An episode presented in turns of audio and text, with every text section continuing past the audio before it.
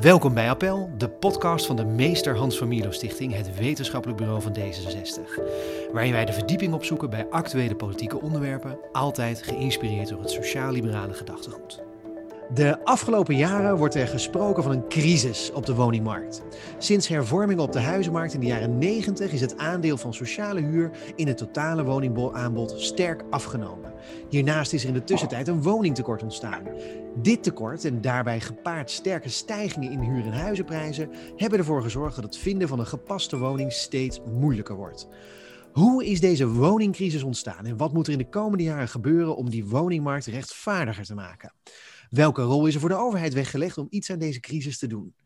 In deze aflevering van Appel gaan wij hierover in gesprek met professor Dr. Peter Boelhouwer, hoogleraar Housing Systems aan de Technische Universiteit Delft en professor, emeritus professor Dr. Johan Konijn, emeritus hoogleraar woningmarkt aan de Universiteit van Amsterdam. Laten we aan de slag gaan, direct. En ehm, ja, er klinken dus vanaf verschillende hoeken allerlei geluiden over wat nou die volkshuisvesting zo problematisch heeft gemaakt. Er is een woningtekort aan de ene kant, een tekort van koopwoningen, een tekort aan huurwoningen.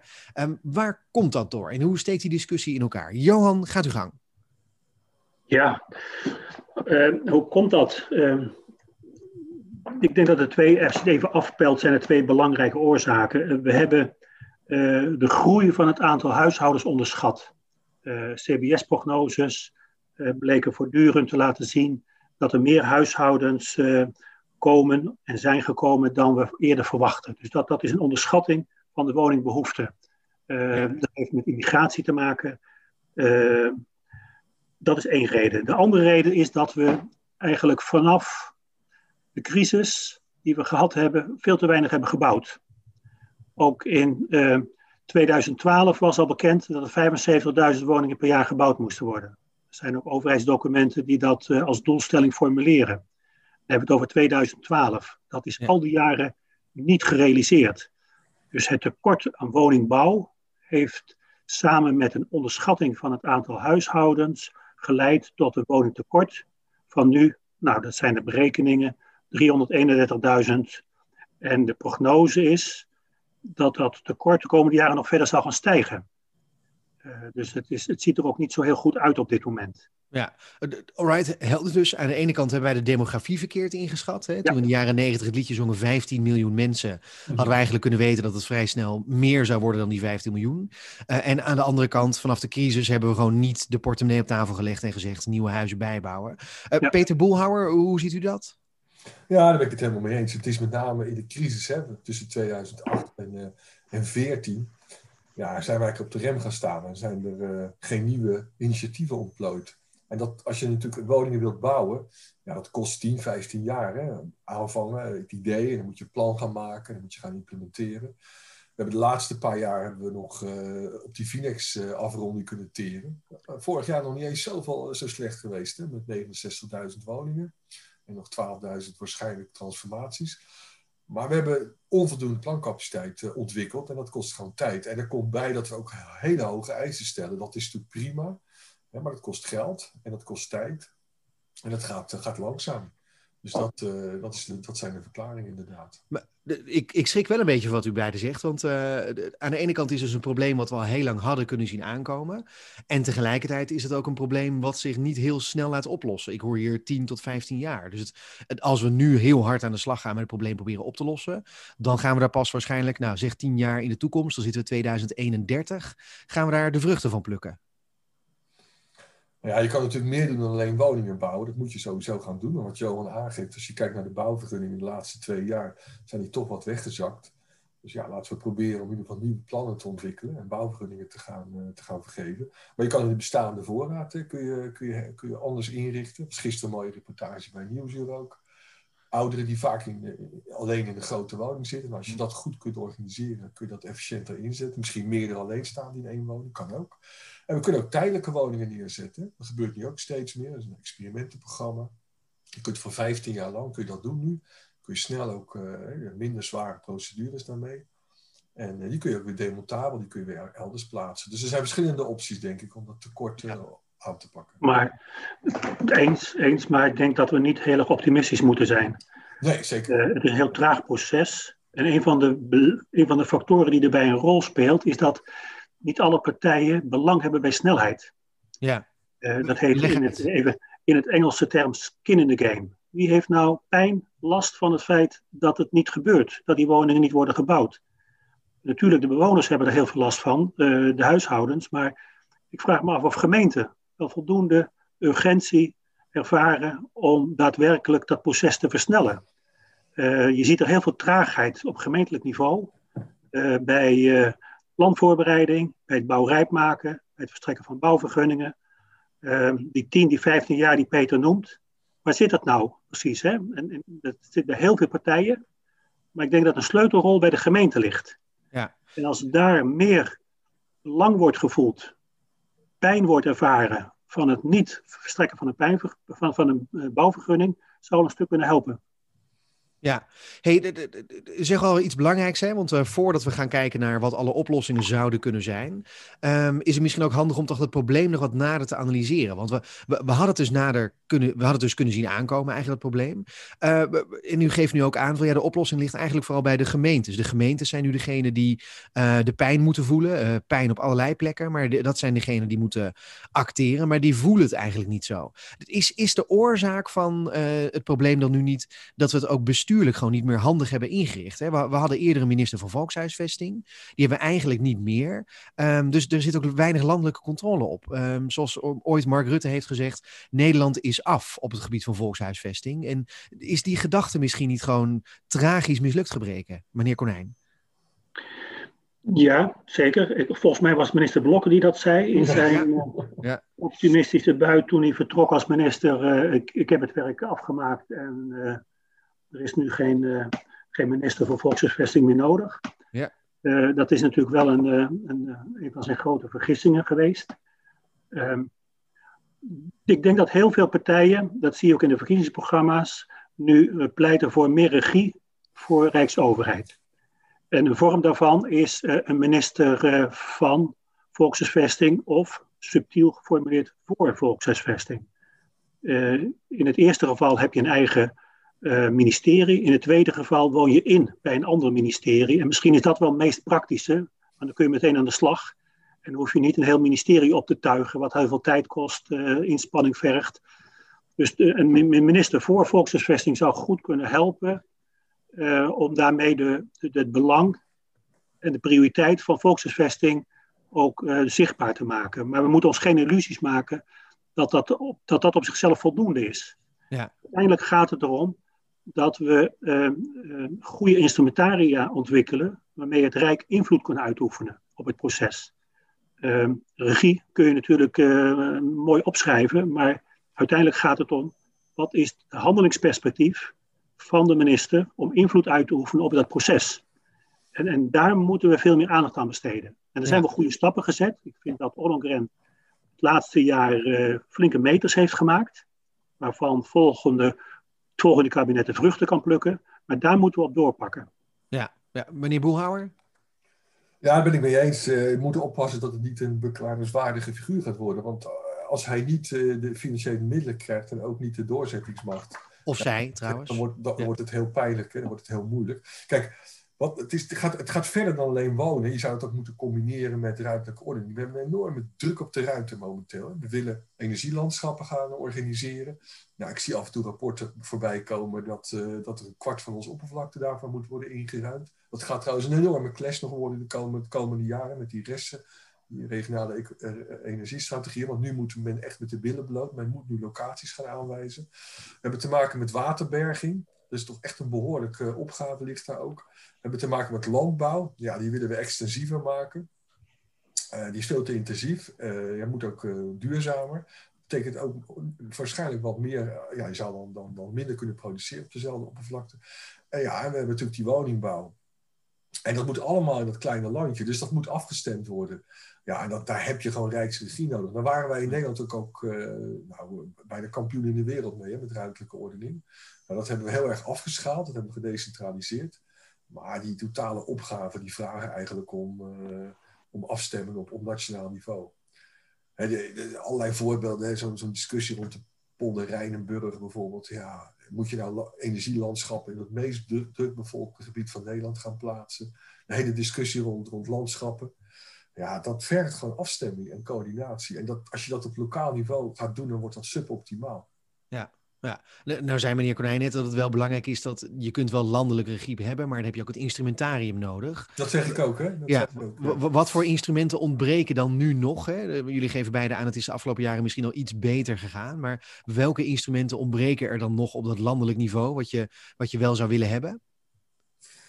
Maar ja, dat, dat is ruimtelijke, ruimtelijke ordening. Technisch dat je, dat je afspraken kan maken over de indeling van het land. Waar ga je bepaalde hoofdactiviteiten. Dat is in de Phoenix bijvoorbeeld gebeurd. Hè? Daar hebben we afgesproken hoe de wegen zouden gelegd worden. Waar recreatiegebieden komen. Dat is, dat is redelijk nationaal is dat, is dat afgestemd. Maar dan je, je, je, kan, je kunt natuurgebieden kun je dan gaan combineren en elkaar, uh, met elkaar verbinden. Je kunt landbouwgebieden op bepaalde plekken gaan kiezen. En daar dan bijvoorbeeld de natuur weghalen. Je kunt dat veel efficiënter kunnen doen. En wat mij betreft moet er ook heel veel geld naartoe. Want ja, het is natuurlijk wat mij betreft echt een, een idee fix dat we, dat we denken dat we dit allemaal door de markt kunnen laten oplossen. Die, eh, die enorme opgave die er nu ligt. Dat is ook nog nooit voorgekomen. We hebben eerder van dit soort grote opgaves gehad. Denk aan de, de wederopbouw, de groeikernen, de Phoenix ja, we hebben hele hoge eisen, terecht denk ik, aan duurzaamheid, aan kwalitatief goede woningen, op plekken die heel duur zijn. Ja, dat moet allemaal door de eerste gebruiker worden opgebracht. Ja, dat kan gewoon niet. Dat ja. kan gewoon niet. En dat zie je ook, en dat is ook, Johan zegt van ja, die gemeentes werken niet mee. Ja, ik zie heel veel, op heel veel plekken wil, wil men wel, maar komt men er gewoon financieel niet uit. Ja, meneer Konijn, het woord is al gevallen, hè? marktwerking. Uh, we hebben nu nog een beetje over die structuur van die hele woningmarkt, tussen aanhalingstekens dan. Hè? Hoe regelen we dit precies in Nederland? Is er, meneer Konijn, te, veel sprake van marktwerking geweest op de woningmarkt? Ja, wel wat. Kijk, kijk de marktwerking is, uh, van alle tijden, kun je ook, kun je ook heel goed benutten. Dus private partijen zijn ook een noodzakelijk onderdeel van de woningmarkt alleen niet voldoende.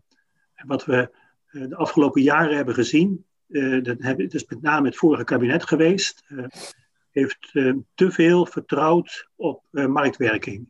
Mhm. Te veel vertrouwd op beleggers die wel zouden zorgen voor voldoende middagsegment huurwoningen.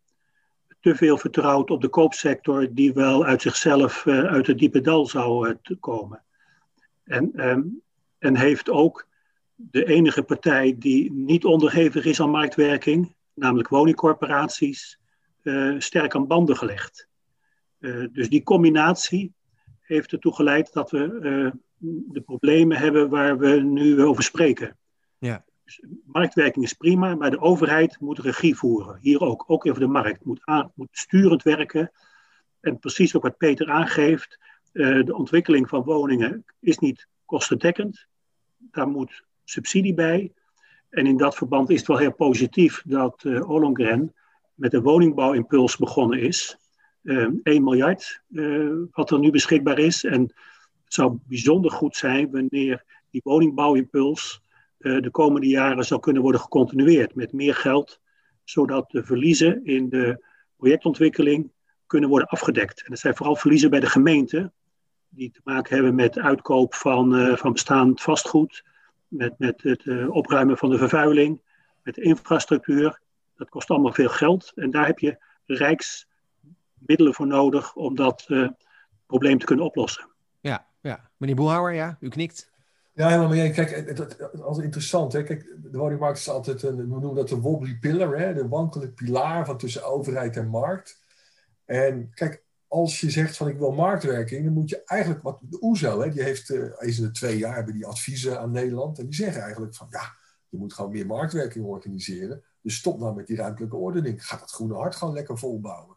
Kijk, als je dus minder regels organiseert, ten aanzien van woningkwaliteit, duurzaamheid, ten aanzien van ruimtelijke ordening, ja, dan kan die markt dat ook wel doen. Maar als we heel veel belemmeringen organiseren en eisen stellen, ja, dan, is dat, dan, dan lukt dat vanuit de markt gewoon niet. Dus, dus het is ook een kwestie van, ja, wat, wat willen we? Kijk, ik, ik ben absoluut voor om het groene hart te sparen. Dus ik, ben ik zou dat niet, niet, niet delen. Maar als we inderdaad op hele moeilijke locaties in steden, waar we grond moeten saneren, waar we infrastructuur ook moeten aanleggen, waar we bedrijven moeten uitkopen, als we daar kiezen om daar te gaan bouwen, en dan ook nog eens met hele duurzame woningen, ja, dan, daar hoort geld bij gewoon. Dat, dat is En dat, dus het is niet helemaal eerlijk om dan altijd de schuld bij de marktwerking te leggen. Nee, het is die combinatie van afstemming tussen overheidsinterventies en, en wat de markt kan. Ja, het is uiteindelijk markt en overheid samen die, die samen ervoor moeten zorgen dat het tekort wordt opgelost op een manier waarvan we ook nog eens zeggen, uh, dit is duurzaam en uh, stabiel voor de toekomst. Uh, dat is het, is het idee eigenlijk. Ja, maar, ja, je kan hier bijvoorbeeld als je tegen particuliere beleggers zegt, je moet in middenhuur investeren, maar die huren mogen maar 800, 900 euro zijn. Maar je moet wel de hoofdprijs voor de grond betalen. Ja, dat, dat gaat niet. Je ja. moet ook een rendement kunnen realiseren. Ja. Dus ja, dat... Ja. Wat, wat ik zelf als politicoloog wel interessant vind, is dat jullie eigenlijk beide heel erg benadrukken dat het is niet alleen de overheid, het is niet alleen de markt, het moet echt van beide kanten komen. En, en uh, meneer Boelhouwer, wat ik daar ook heel duidelijk hoor, is, ja, de markt kan het wel, maar alleen maar als je verwachtingen een heel stuk lager zijn. Dus als we terug willen naar woningbouw à la begin 19e eeuw, waar mensen in krotten bij elkaar wonen en er geen lopend stromend water is en dat soort dingen, nou, dat kan de markt heel goed regelen, maar dat willen we eigenlijk niet. Is, is dat een beetje... Oeh, nou, het is een beetje gechargeerd, maar ja, het is dus mijn taak afstemming is natuurlijk wel belangrijk. Ja. ja. Ja, precies. Dus het moet echt een balans zijn tussen markt en overheid. En dan kunnen we langzamerhand die, die eh, tekorten oplossen. Maar ik hoor tegelijkertijd ook dat we dan ook wel keuzes moeten maken. Hè? Ik hoor Peter Boelhouwer hoor ik zeggen, we kunnen het Groene Hart volbouwen. Liever niet, maar, maar dat zou een optie moeten zijn. Wat zijn dan de nou, keuzes? Wat mij betreft niet hoor. Nee, oké. dat is uh, meneer Konijn, vindt u het Groene Hart volbouwen of niet? Is dat, nee, ik ben het, ben het helemaal meer. Daar moeten we zeer uh, zorgvuldig mee omgaan. Ja. Dus... Kijk, er is natuurlijk een hele discussie, moet je nou binnen de stad bouwen of buiten de stad? Ja. Op uitleggebieden. En ik denk dat we wel steeds meer consensus hebben bereikt dat het beide moet. Dat je niet alleen kunt, kunt verdichten en dat je daarmee kunt verwachten het probleem te kunnen oplossen. Omdat verdichten uh, toch relatief duur is. En uh, dat er ook uh, dan een tekort aan bouwcapaciteit, bouwlocaties zijn. Dus er zijn uitleggebieden nodig. Maar daar moet je zeer zorgvuldig mee omgaan dat het groene hart, eigenlijk de natuur. Uh, je kunt het wat algemener nog formuleren. Uh, we hebben meer functies die van belang zijn dan, dan alleen wonen. Uh, Peter noemde ze net ook al, die ook allemaal een plek moeten hebben. En, en, en, dat is een afweging die op rijksniveau moet plaatsvinden. dat is het oude traditionele ruimtelijk ordeningsbeleid, ja. waar de rijksverantwoordelijkheid bij uitstek tot, tot, tot uitdrukking kan worden gebracht. Ja. Uh, meneer Boehouwer, reageer ja? Nee, ja, maar goed, dat heb ik net ook wel aangegeven. Ja. Ik vind het altijd wel opmerkelijk. Kijk, ik werk dan in Delft. En wij krijgen dan ook veel buitenlandse studenten. En die komen dan naar Delft, naar ons, naar bouwkunde. Omdat we zo'n traditioneel zo'n mooi volkshuisvestingsbeleid hebben. Met een sociale huursector. En dan we zo'n uitgebreide ruimtelijke ordening hebben. Ja, dan moeten ze toch vertellen van ja, dat doen we al iets minder dus dat is wel, ja, dat is wel heel jammer dat we dat, dat erfgoed, dat we dat een beetje aan het kwijtraken zijn. Ja. Kwijtgeraakt zijn. En dat, en dat moet nu, wat Johan ook zegt, daar moeten we nu weer aandacht aan besteden. En we kunnen dat ook. We hebben dat in het verleden ook wel gedaan. Maar dat moet wel gebeuren. En even nog over die locaties, dat is ook wel interessant. Hè? Ik ben ook met Johan eens. Ik denk niet dat we gaan komen met alleen binnenstedelijk bouwen. Maar als je, hè, er is een inventarisatie geweest van het kadaster eh, twee jaar geleden. Ja, er is in principe is er ruimte om 800.000 woningen te bouwen. Dat, dat, zijn niet allemaal harde bestemmingsplannen, maar dat zijn locaties waar in principe, ja, in principe woningbouw plaats kan vinden. Maar het lukt ons alsmaar niet om ja, die, die bestemmingsplannen inderdaad hard te maken. En, en dat heeft weer met financiën te maken en met ook obstructie van, van burgers, hè, die natuurlijk tot de Raad van State aan door kunnen gaan om plannen tegen te houden. Ja. Dat zie je nu ook met die windmolens, gaat hetzelfde gebeuren. Mensen gaan, gaan, gaan proberen om, om dat te voorkomen. Dus er is, in potentie is, kan er best wel gebouwd worden. En ja, ik zeg wel eens, ja, misschien een beetje demagogisch, maar er zijn oppervlakte van Nederland woningen, inclusief winkels en straat die daar staan, 7% Hè? Dus ja, maak daar is 8 of 9 van, doe eens gek en dan heb je het opgelost. En het is vooral die landbouw, daar zit natuurlijk de grootste, de grootste ruimtegebruiker. Dat is uh, inmiddels, dat was ooit drie kwart, dat is nu 66 procent, zeg maar twee derde oppervlakte. Ja, dat is 6 procent van ons uh, bruto binnenlands product. De vraag is natuurlijk van, moeten we daarmee doorgaan op die manier? Moeten we niet veel meer natuur, recreatie en woningbouw organiseren? En die landbouw, nou, pak een beetje naar 50 procent terugbrengen. Is dat zo'n ja. gek idee? Ja, ik geloof dat onze, de politieke partij vindt natuurlijk uh, dat we vinden dat we landbouw wel een klein beetje kunnen afbouwen. Uh, maar de, is dat verstandig, uh, meneer Konijn, op lange termijn? Landbouw een beetje afbouwen, meer ruimte voor woningen? Ja, goed, ik, ik, ik ben geen uh, landbouwspecialist.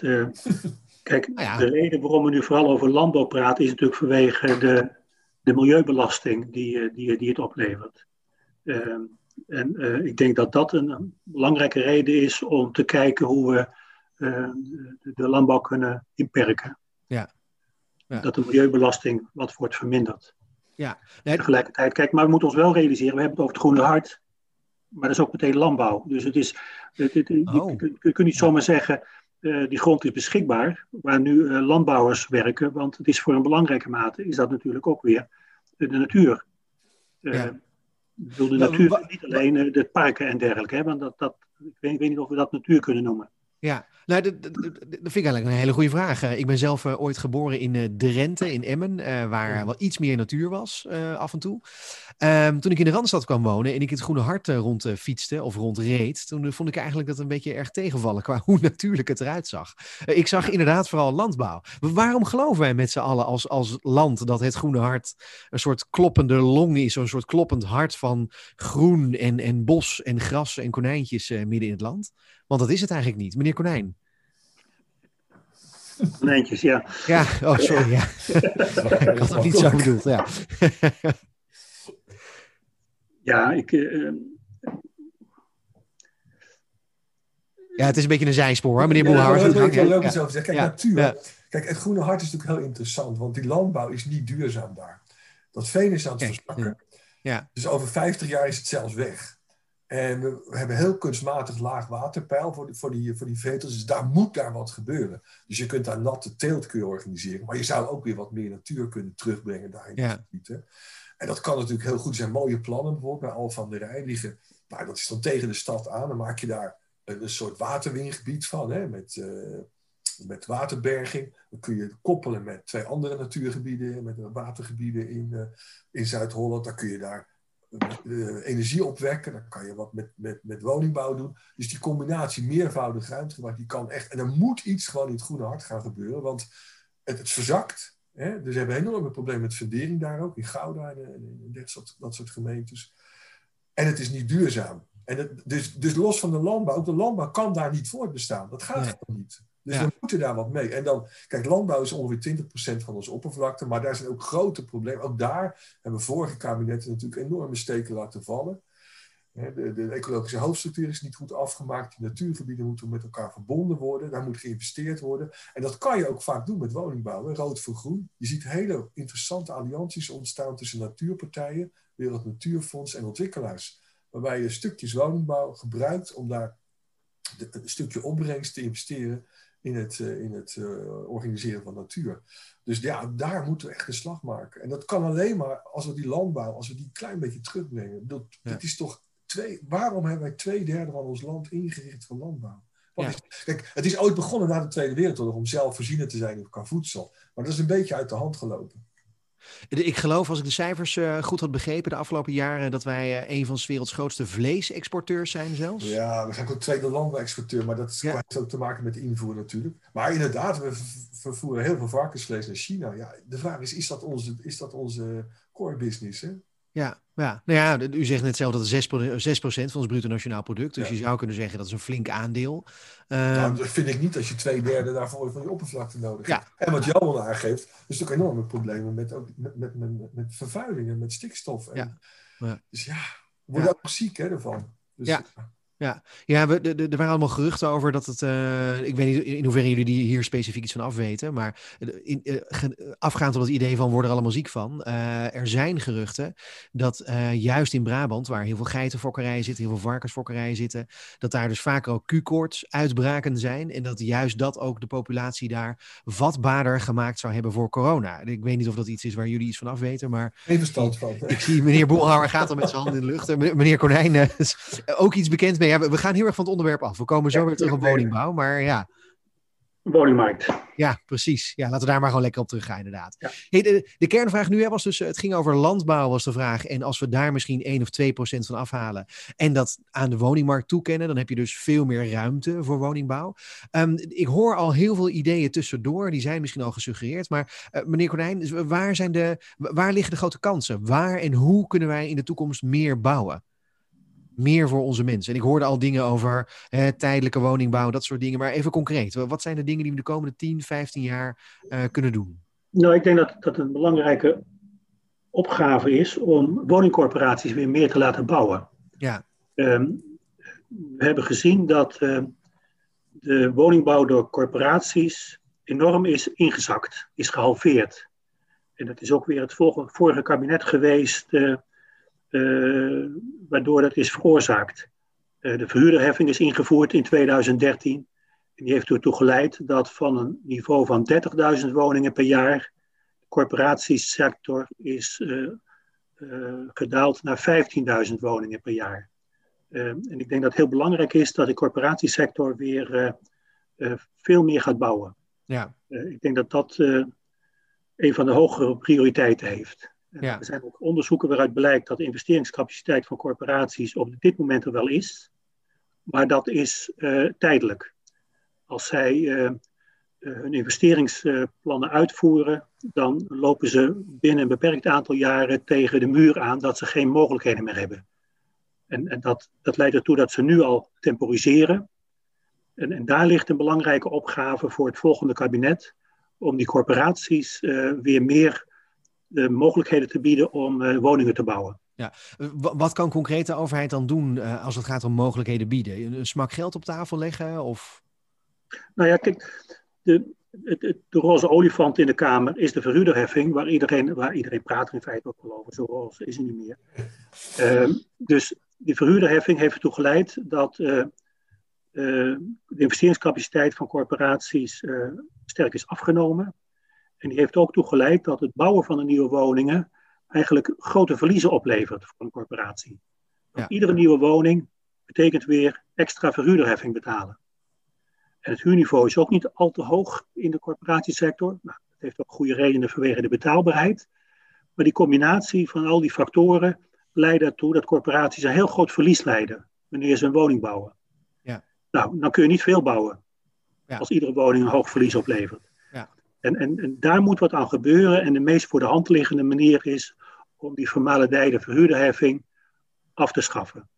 Die had er ja. nooit moeten komen.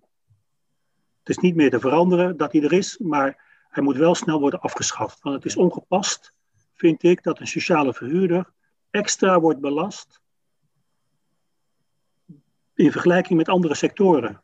Ja. Er is geen enkele goede reden te bedenken waarom een corporatie extra belasting zou moeten betalen. Wat zijn de oorspronkelijke reden achter de verhuurderheffing? Ik bedoel, de, de voormalige kabinetten zullen ook een goede gedachte achter gehad hebben, wat ze ermee wilden bereiken. Nou ja, er was toen een situatie van een tekort op de rijksbegroting. Dus er moest geld bij komen. Uh, er was op dat moment een heel negatief sentiment over corporaties. Uh, we hebben ook niet voor niets een, een parlementaire enquête gehad, woningcorporaties. Dus het sentiment was heel negatief. En er was een beeld van het geld pot staat tegen de plinten, dus uh, laten we dat maar afromen. Uh, zo, ja, zo, zo simpel was het in feite. Ja. En uh, door dat negatieve sentiment was er ook politiek draagvlak om dat te doen. ja, en zo is in 2013 die verhuurderheffing ingevoerd. Maar het is natuurlijk tamelijk bizar dat je ik zeg het maar bewust woord bizar, dat je de goedkoopste huurwoningen extra gaat belasten. Maar ook het woord pervers ja. hè? Dat is, pervers kun je het ook noemen. Het is... Ja, meneer Boelhouwer, ja, meneer ja. Per, nou, pervers ben ik helemaal, ben, ben, helemaal, ben, ik helemaal, ja. ben ik helemaal mee eens. Ik sluit er helemaal bij Johan aan. Dit is ook wat je niet uitgelegd krijgt in het buitenland weer. Hè? Dat, maar ja. dat, net zo goed als dat de hypotheekrenteaftrek zo hoog is in Nederland. Dat zijn dingen die geloven ze eigenlijk niet. Hè? Dan, dan kijken ze je meewarig aan van, is dat kan toch niet waar zijn dat jullie dat nog doen op die manier. Maar ook die verderheffing is natuurlijk heel bijzonder. Kijk, wat wel een probleem is, ik ben, hè, dat, dat als je in die gebiedsontwikkelingen zie je juist dat die sociale sector onder druk staat. Ook niet eens zozeer omdat die corporaties het niet kunnen, maar ook omdat, omdat die financiën van die gebiedsontwikkelingen ja, die staan zwaar onder druk. Dus als je meer sociale woningbouw gaat organiseren, betekent lagere grondprijzen, dan moet die markt moet nog meer gaan opbrengen. Uh, Valkenburg is daar een mooi voorbeeld van. Hè. Dat, heeft, dat ligt al 15 jaar stil nu. Notabene het Rijksvastgoedbedrijf, wat zegt van ja, financieel komen we niet uit. Er moet minder sociale woningbouw, terwijl gemeente Katwijk zegt nee, wij houden ons aan de provinciale taakstelling. Dus het is best wel een ingewikkelde hoor. Dus je hebt dat niet maar 1, 2, 3 heb je dat, heb je dat gerealiseerd. Dus ja, dus, dus het is ingewikkeld. En, en, een ander probleem is, en daar, daar, daar ik echt problemen nu, is dat we, dat heeft ook met die differentiatie die Johan ook aangeeft te maken. Want we in toenemende mate zijn we dus dure koopwoningen aan het bouwen. in appartementen, in de hoogbouw. En dat draagt die gebiedsontwikkelingen. En ja, ik zie in onze statistieken, in onze monitoringssystemen, dat dat gewoon de, de vraag daarna aan het afnemen is. De verkopen gaan langzaam, dat wat Jan ook aangeeft, ja, dan gaan ze temporiseren. Ja, wat doen ze? Omdat ze het van de ook niet af kunnen zetten. In Engeland is daar groot onderzoek naar geweest. En daar bleek inderdaad dat men veel te veel aan die bovenkant heeft, heeft bijgebouwd. Dus we bouwen op dure producten, dat gaat nu nog wel. Maar de vraag is hoe lang je dat kunt volhouden. En als dat wegvalt, ja, dan is het, is het heel moeilijk wordt het dan om die gebieden, ook als je meer sociale woningen gaat toevoegen, want dan wordt, dan wordt het tekorten nog groter op die exploitaties. Dus het is echt een heel groot probleem aan het worden. Ja, ja. En daar heb je dus gewoon initiële investeringen voor nodig. Daar moet je zorgen dat die corporaties kunnen investeren. Want, want die lopen ook vast, hè, los nog van de grondprijzen. En dat er voldoende uh, financiële middelen voor die gebiedsontwikkeling komen. Anders, anders loopt het echt vast. Ja, dus ook daar is het antwoord gewoon zorg dat er een flinke smak geld bovenop komt. Dat is denk ik uh, stap 1. Ja. Um, we, richten ja, deels kun je dat geld ook wel weer terughalen als je het slim doet. Hè? Clawback, dat je zorgt dat je, je investeert, dan komt ook weer geld uit het gebied. Maar je hebt wel initiële investeringen daar nodig. Anders, ja. ja. Dat is ook iedere keer, ik zit zelf bij een corporatie, hè, dat is in Lansingerland, daar hebben wij een gebied, dat ligt al twaalf jaar, is dat bouwrijp. Hè? Dan kunnen we morgen de paal de grond inslaan. Ja. Vijf ontwikkelaars en de gemeente en de corporatie en we komen er maar niet uit financieel. Ja. Ook qua programmering, hè? want wij willen natuurlijk vanuit de corporatie 20% sociaal, staat dan weer onder druk. Ja. Dus het is gewoon heel ingewikkeld. Ja, de, wat is dan de eerste stap die we dan moeten nemen om dan verder te komen? Want het klinkt een beetje alsof verschillende partijen heel erg op elkaar aan het wachten zijn. Ik denk dat we hebben, we hebben een idee hoe die woningcorporaties, hoe we die een stap verder kunnen helpen. Met die verhuurde heffing is misschien de eerste.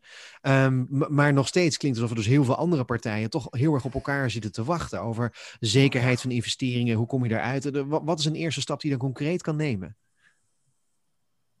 Nou ja, wat Johan aangaf is die, die investeringsimpuls van de minister. Dat is natuurlijk een hele goede eerste start. Ja. Ik denk, zelf, en dan ga je een beetje naar de oplossingen, dat je net zoals in het verleden gewoon een planning- en programmeringscyclus weer moet ontwikkelen. Dus je zegt, kijk, er zijn, op een gegeven moment zijn er regio-deals gemaakt, dat was vrij zacht, hè? de woondeals ook. En, en, nu hebben we verstedelijkingsafspraken. Dan moet je opschalen naar heel Nederland.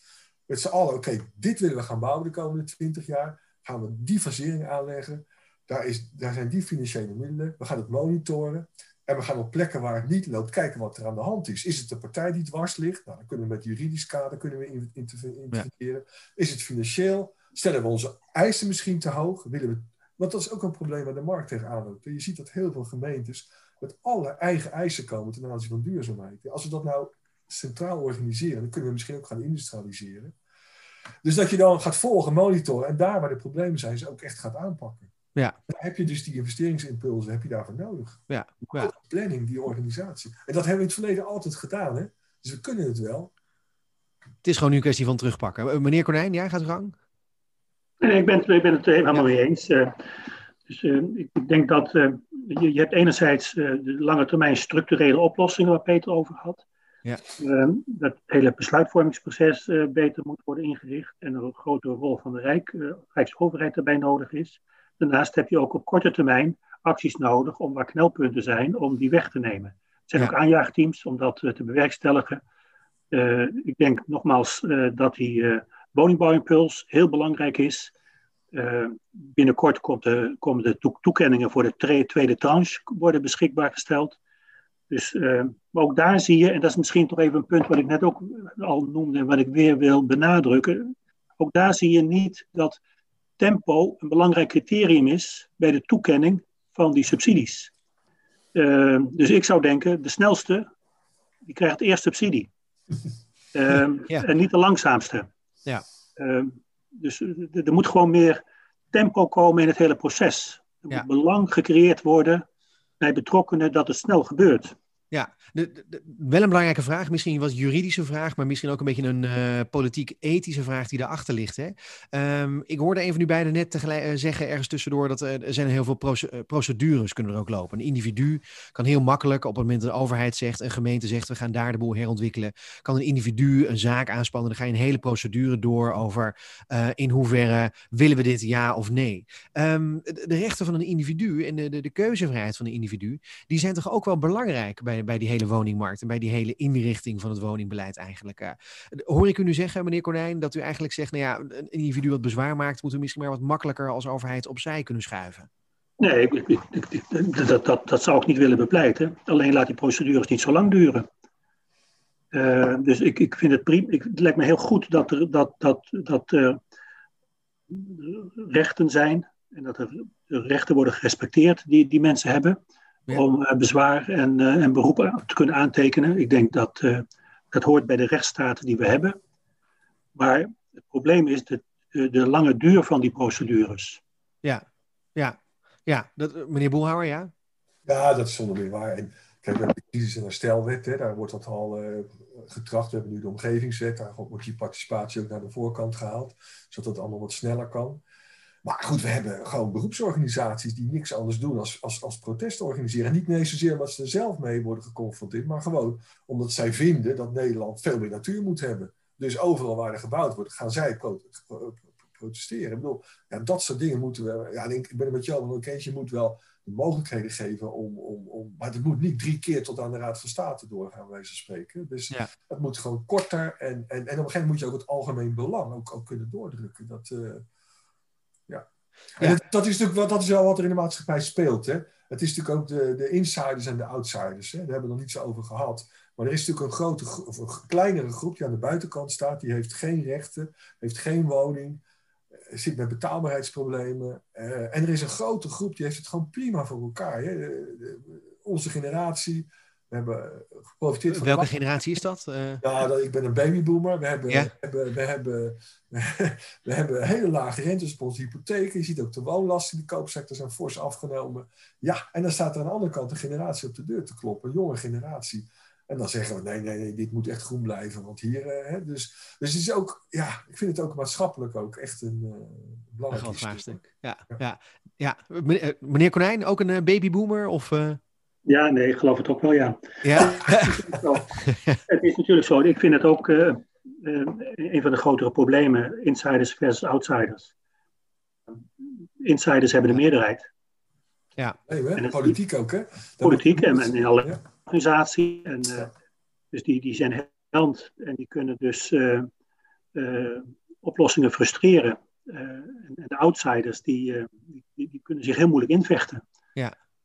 En die, zeker in de huidige situatie, want de, de, degene die, die het woningtekort, daar, dat is vooral lastig voor de outsiders, degene die geen woning hebben. Precies, ja. de jongeren die langer thuis moeten blijven. Of uh, moeten gaan samenwonen met, met, met, vrienden in een beperkt aantal vierkante meters. Dus daar slaat het probleem neer bij, bij, bij de outsiders. Uh, Peter en ik hebben een woning en ja, we hebben geen last van het woningtekort. Jullie zijn wel gelukkig wat dat betreft, dat scheelt. Behalve via onze kinderen. Ja, ja die, helpen, via onze die kinderen. Helpen, die helpen we natuurlijk, maar dat hebben zij weer voordeel bij. Maar ja. anderen hebben dat weer niet. Hè? Dus ook daar, kijk, in, in Engeland heb je ja, een soort, er is echt onderzoek ook naar gedaan, naar een soort overerving van eigen woningbezit. Je wordt geboren als eigen woningbezitter, dat geef je door aan je kinderen. En die markt is zo ontoegankelijk geworden. En dan hebben we onze generatie, die doet ook nog veel in, uh, in verhuur. Hè. Daar is die buy-to-let is verdubbeld. Dus ja, dan kunnen ze alleen nog een, een huurwoning gaan, gaan betrekken die door uh, die oudere generatie wordt verhuurd. En betalen ze ook nog eens het dubbele. Dus ja, dat is een enorme uh, scheidslijn, ook, ook politiek-maatschappelijk. En dat is in Nederland gelukkig nog niet zo erg als daar. Ja. Maar we moeten oppassen dat we daar niet in terecht gaan komen. Dat is, uh, vind ik, ja. ja. Hoe, hoe kun je dit, uh, deze kant van het probleem dan oplossen? Vra nou, vraag ik als millennial generatie X een beetje daartussenin. Nou ja, dat hebben we ja. ruim over gesproken. Zorgen dat die woningen gaan komen, dat er voldoende aanbod komt. Maar ook wel de manier waarop we de verschillende partijen behandelen. Ja. Want, ja, goed, op een gegeven moment hebben we het fiscale systeem aangepast. Hè, maar, maar, maar ik heb nog steeds profijt van mijn aflossingsvrije hypotheek bijvoorbeeld. Hè. Ja. ja, dat kunnen die jongeren niet meer doen. Dus, dus probeer nou wat, wat, wat meer evenwicht daarin te brengen. En, uh, ja. ja, nou kun je als individu kun je makkelijk zeggen dat je die, die aflossingsvrije hypotheek, waarvan je zegt, nou, die kunnen we nog steeds gebruiken, kun je makkelijk nu zelf zeggen, um, ach, ik heb er geen zin meer in. Uh, het is ook onzin eigenlijk. Maar er is natuurlijk een, een, hele generatie, een heel cohort aan mensen die nog steeds zeggen, nou, dat is gewoon mijn recht, dat product heb ik gewoon op die manier gekocht. Ja. En dat is hoe het zit. Dus hoe, hoe, maak, je dat, hoe maak je de geesten rijp om, om dat soort instrumenten aan te pakken? Ja, ja. Ik snap nooit die discussie, want als het over huurbescherming gaat en, en, en, en, en huurtoeslag, dan geldt dat allemaal niet. Dan wordt daarin bezuinigd en dan kan het allemaal van de een op het andere moment. Dit lijkt wel heilig dan. Hè? Ja. ja, we zien gewoon dat de rente is fors gedaald. Dus de uitgaven van, van, van eigenaar-bewoners zijn ook fors afgenomen. Ja. De meeste mensen hebben inmiddels een hypotheek, uh, hun renteherziening gehad. We betalen gewoon veel minder. Dus ja, ik snap echt niet waar het over gaat. Ja. Meneer, meneer Konijn, reactie? Ja, ja nee, dit, dit, is een asymmetrische discussie. Uh, als het gaat om uh, eigenaar-bewoners en de hogere inkomens, dan zijn het rechten die kennelijk voor de eeuwigheid zijn gegeven. En als het gaat om lagere inkomens in de huursector, dan, uh, dan kun je er makkelijk een streep doorhalen, ja. kennelijk, in het politieke debat. Dus dat, wat ik net noemde, dat is tamelijk asymmetrisch. En ja, ik denk ook dat het belangrijk is om het meer gelijk te trekken. Uh, en daar zijn we ook gelukkig mee bezig, hè, want uh, de, de bevoordeling in de koopsector uh, wordt, wordt afgebouwd. En dat gaat in toch een redelijk tempo, vind ik. de aftrekbaarheid van de rente wordt jaarlijks sterk verminderd. wellicht dat een COVID-kabinet daar nog verder, voor, verder versnelling in aan gaat brengen. er zijn er regelingen afgeschaft die we hadden. Dus de, er is, komt meer evenwicht. Langzaam maar zeker gaan we naar een markt toe waarin uh, de, de, iedereen toch min of meer gelijk wordt behandeld uh, door de overheid. Ja, uh, dat is ook rechtvaardiger. Goed. Ja, ja, het is rechtvaardiger. dat, dat, is ook heel erg goed dat dat gebeurt. Ja. Ja. Er is nog een ander punt hè, met die generaties, en dat is ook een deel van de oplossing, dat is natuurlijk ouderhuisvesting. Hè. We te gaan te maken krijgen met een enorme vergrijzing. Hè. Dat, dat is echt spectaculair wat daar gaat gebeuren. We hebben ook, ook weer zo'n fout uit het verleden. We hebben die woontussenvoorziening, hè, waarbij ouderen gemeenschappelijk wonen. Uh, sorry, zelfstandig wonen, maar wel wat gemeenschappelijkheid is. Een beetje voor elkaar zorgen, nabuurschap wonen. Dat hebben we allemaal gestopt. Als we nou kans zien om ook in die productie, in die nieuwbouw, wat meer voor die ouderen te organiseren, zodat zij. Hè, dat hebben, hebben een drieslag. Dan kunnen we, we kunnen besparen op de zorg en het welzijn. Hè. Dat gaat echt veel geld opleveren als mensen. Hè. We kunnen voor die ouderen kunnen we een geschiktere woonvorm aanbieden. En we krijgen woningen vrij voor, uh, voor, uh, voor jongeren. Nou, ik zit zelf bij de Knarrenhofjes. Dat is een clubje wat bouwt dan voor de, die gemeenschappen. Hoeveel moeite wij bij gemeentes hebben om aan, grond te krijgen en om daar te mogen bouwen, is ongekend. Terwijl iedereen roept in die gemeentes, een geweldig initiatief, dat moeten we gaan doen. Als puntje bepaaltje komt, en er zijn er nu vijf, en het gaat nu gelukkig wel een beetje beter, het gaat nu wel wat meer lopen, maar ze zijn tien jaar bezig. Hè?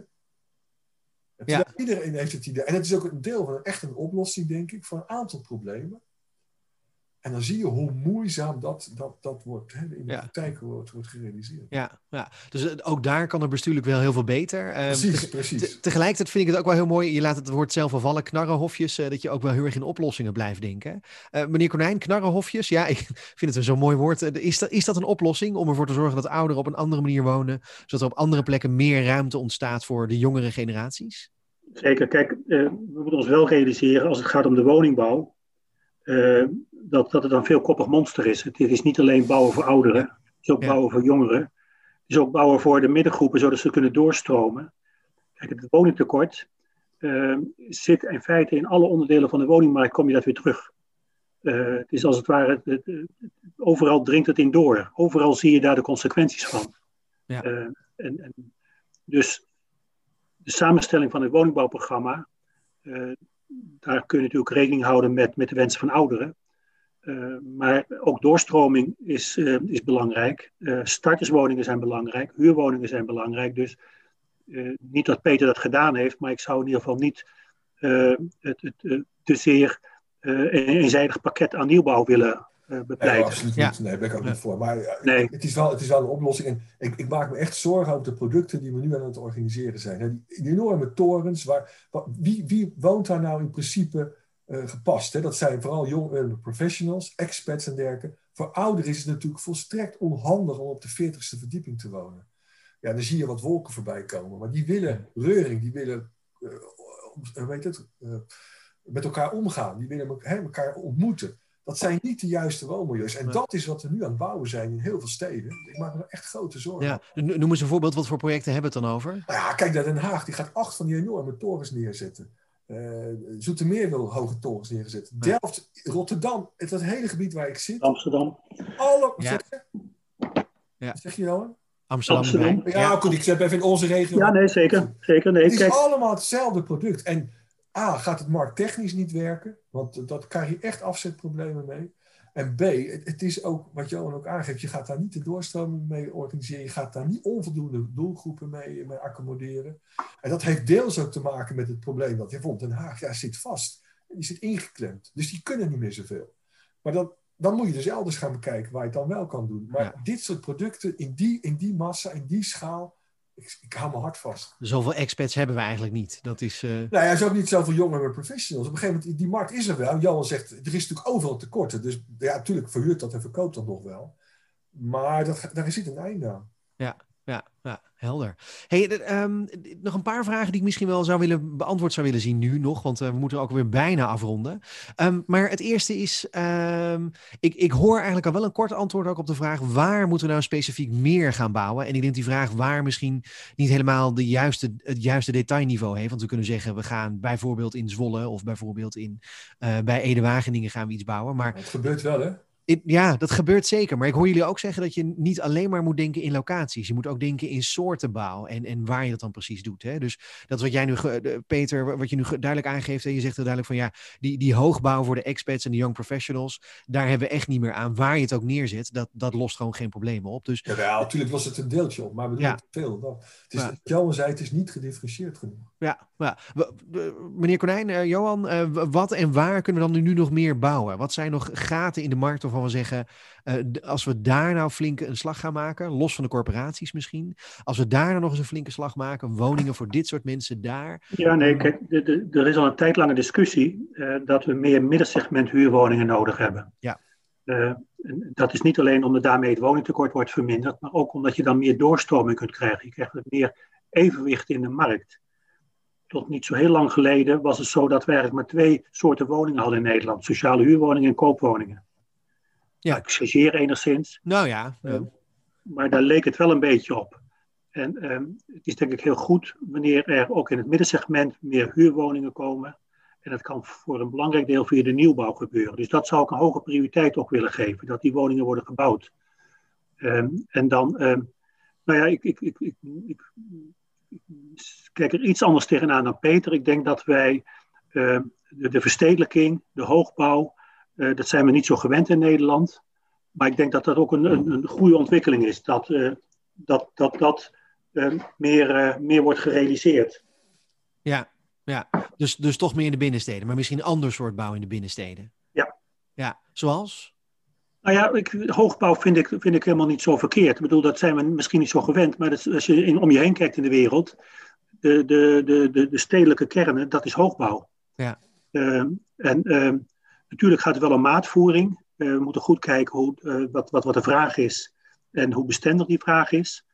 Maar eh, ik maak me daar minder zorgen over. Dat, ja. dat, dat, ik denk dat het altijd verhuurd blijft worden, omdat dat gewoon binnen in de stad is. Ja, maar nu zeg je verhuurd. Ik geloof dat het bezwaar van meneer Boelhouwer was dat het juist uh, vaak koopappartementen zijn. En die dus dan vaak te duur zijn en te hoog inschalen. Klopt dat, Peter? Is dat, uh... Ja, het zit ook wel duur. Kijk, ik ben ook helemaal met jou eens. We moeten die middenhuur, dat ontbreekt echt. Maar ja. dan moeten we wel, wel ook redelijke ruime woningen. Dat bedoel ik niet 30, 40 vierkante meter, maar, maar, maar 60, 70, 80. Tussen de 700 en 1000 in het middenhuursegment gaan organiseren. En dat is heel lastig. Want je ziet dat heel veel van die. En het gaat ook iedere keer mis in die, in die afspraken tussen beleggers en gemeenten. Ik, ik, ga ze niet allemaal noemen, maar in heel veel gevallen probeert men het wel. En, en is het einde van het liedje dat er toch weer dik boven de 1000 euro uitkomt. En die markt is niet, die is niet om, om ja, dat is toch echt wel een, een, een specifieke markt. Um, maar goed, met name vanuit die vergrijzing hebben we gewoon andere producten nodig. En waar, dus, dus deels moeten we die hoop wel degelijk realiseren. Het gaat mij alleen om de maatvoering. Ja. En nu, het wordt nu echt heel eenzijdig gebeuren. Wat mij betreft gaan we daarmee door. Dus, dus inderdaad voor die groepen bouwen. Maar we gaan ook eh, bijvoorbeeld in, in mijn gebied weer de, de, de oude lijnen. Dat is de lijn van, uh, van Dordrecht naar Leiden. We willen, wil de provincie een dubbel spoor gaan aanleggen. Nou, daar kun je langs die stations, wat we ook met de Randstafdeel hebben gedaan, prima ook superbanen woonmilieus gaan ontwikkelen. Dus dat kan. We kunnen langs, langs, die randen van die steden waar heel veel rommelgebieden zijn, kun je, veel, kun je die, die natuur en die recreatie kun je versterken, ook met een stukje woningbouw. Dat is ook een extra toevoeging. Het plan van Alf bijvoorbeeld vind ik een heel mooi plan. Uh, en we kunnen ook meer richting toch de regio. We gaan meer thuiswerken, is toch het idee. Ja. We, we gaan misschien wat meer openbaar vervoer ook aanleggen. En kijk, het, wat er nu gebeurt als we kijken naar de statistieken, mensen stemmen met hun voeten. Dus momenteel zie je een enorme uitstroom, die is bijna verdubbeld, vanuit de drie randstedelijke provincies naar de omliggende gemeentes. Hardenberg, Zwolle, daar stijgen de prijzen momenteel het hardste. Daar wordt ook veel gebouwd in die gebieden. Dus als we het niet doen, ja, dan, dan trekken mensen vanzelf ook wel weg. Hè? Dus, dus, dus laten we het ook een beetje accommoderen, zorg dat het op de goede plekken gebeurt. Hm. Maar, dus het is, het is allemaal en-en, hè? Ja, eh, als mensen zelf stemmen met de voeten, dan lost het probleem zichzelf toch eigenlijk al wel gewoon op? Ja, voor een deel wel, maar dat zijn ook weer de mensen met geld. En, en je krijgt enorm veel kruisvolracisme, dus dat is ook niet de bedoeling. Dus je moet dat wel goed reguleren. En het drukt daar ook weer heel veel mensen van de lokale markt weg. Hè? Dus dat, dat, de lokale Hardenbergers die dan zeggen, ja, maar ik wou die woning nog hebben en uh, dat lukt dan niet meer. Ja. het speelt met name in het middengebied in Ede, Wageningen nu is dat. Ja. Want, want die mensen uit Utrecht en Amsterdam, die hebben natuurlijk enorme koopkracht. Die hebben een woning verkocht ja, dat, dat zijn ook. Uh... Maar goed, dat zijn opties die, uh, waar je aan moet denken. En er is volgens mij niet één oplossing. Maar ik, ik vind het echt nu de verkeerde kant op gaan met die enorme nadruk op die, op die binnenstedelijke ontwikkelingen. Naast het feit dat het woonvoorkeuren niet onvoldoende bediend worden, is het ook nog eens financieel technisch een enorm probleem. Ja, ja. Laatste vraag, en dan moeten we langzamerhand echt beginnen met afsluiten. Maar laatste vraag. Al dit bouwen, dat klinkt als een noodzakelijke opgave eh, voor elke sector en voor elke woonvoorkeur die er maar is. Maar eh, meneer Konijn, kan dat duurzaam? Want dat willen we toch ook wel graag. Dat het allemaal wel redelijk uh, CO2-neutraal is. Dat we uh, energie gaan opwekken zelf met eigen zonnepanelen en dat soort dingen. Goede isolatie moeten er ook nog bij. Uh, kan dat allemaal duurzaam, al dat bouwen? Nou ja, de nieuwbouw wordt op dit moment duurzaam gerealiseerd, is van het gas af. Ja. Nieuwbouw is, uh, dat heet BENG, dat is al heel eind in de goede richting, even om het kort, kort, kort, samen te vatten. Dus een nieuwbouw, daar, uh, die, die zie je, die hebben een hoog energielabel, die zijn, die zijn zeer duur, energetisch zeer duurzaam gebouwd. Dus dat is een belangrijke manier om uiteindelijk de woningvoorraad te laten voldoen aan de nou ja, de, de, de Parijse norm, om het zo maar te noemen. Dat, Daar is nieuwbouw een belangrijke aanjager bij. Ja. Het probleem ligt natuurlijk bij de bestaande voorraad. Hoe krijg je die duurzaam? En dan, dan moeten we toch constateren uh, dat dat blijkt bij, uit onderzoeken over de koopsector en onderzoeken uit de sociale huursector, dat dat eigenlijk niet uit kan. dat nee. de kosten veel te hoog zijn en dat te weinig kan worden terugverdiend door de eigenaar-bewoner uh, en door uh, de, de verhuurder. Dus het is een belangrijke opgave om te zorgen dat wat dan heet die business case voor de verduurzaming in de bestaande voorraad wordt verbeterd. Ja. Want anders kun je wachten tot je in ons weegt, maar dan gebeurt er niks. Ja, ja, en daar zit misschien ook wel de grootste winst te behalen. Een nieuwbouwwoning die zet je neer en dan is het klaar. Maar er zijn heel veel woningen die al heel lang bestaan. Sommige woningen Zeker. Dat is, die bestaan al eeuwen misschien. En om die dan nog te verduurzamen, dat is je gewoon bouwt, echt een te grote investering. Je ja. bouwt maar 1% per jaar. Ja. ja. Dus uh, die 99%, even kort samengevat, daar ligt natuurlijk de grootste opgave. Ja. Uh, meneer Boelhouwer, hoe kunnen we de, alle andere bestaande woningen dan duurzamer maken met z'n allen? Ja, nou ja, dat is helemaal, helemaal met jou eens. En het mooie van duurzaamheid is wel dat het vaak een voorinvestering is. Hè? Dus je, je moet een hoop investeren en, en je krijgt dat op termijn eruit. Dus, dus daar ligt ook wel een taak voor de overheid, denk ik. We hebben dat geprobeerd met die grondge of grondgebonden, die uh, gebouwgebonden financiering voor de koop. Hè? Nou, dat is nu even aan de zijkant geplaatst, omdat de banken daar niet, uh, niks in zagen.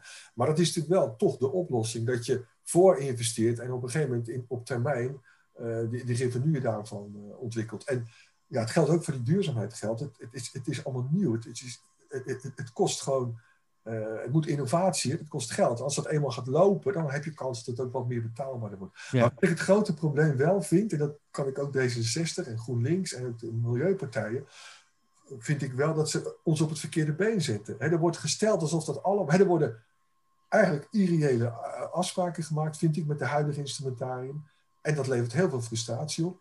En er wordt gezegd, het kan, een energie, het kan budgetair neutraal, het mag de bewoner geen geld kosten. Ja, dat is niet realistisch. Ja. Dus je moet realistisch zijn. En, nou ja, en je moet accepteren dat het gewoon geld kost en dat je daarin in, in, moet, in, in, moet investeren.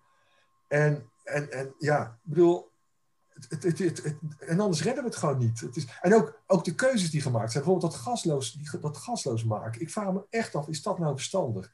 En wat we nou doen is, met heel veel geld gaan we dan wijken van het gas afhalen. En dan gaan we, heel veel, in heel veel gevallen gaan we dan stadsverwarming aanleggen, hè, gemeenschappelijke En dat wordt dan vervolgens weer door een grote nou, centrale unit wordt daar gas gestookt om ons dan weer te aan verwarmen. Zet je nou in op duurzame energie, ga dat organiseren, dus die zonnepanelen, wind, weet ik allemaal, gaat importeren. En gaat de bestaande voorraad gaan gewoon het energiegebruik terugbrengen. Dus wat de corporaties nu doen, is inderdaad die woningen naar B-label brengen, die slechte labels eruit halen, gaan besparen. Maar we maken ook echt de verkeerde beslissingen nu. Ja.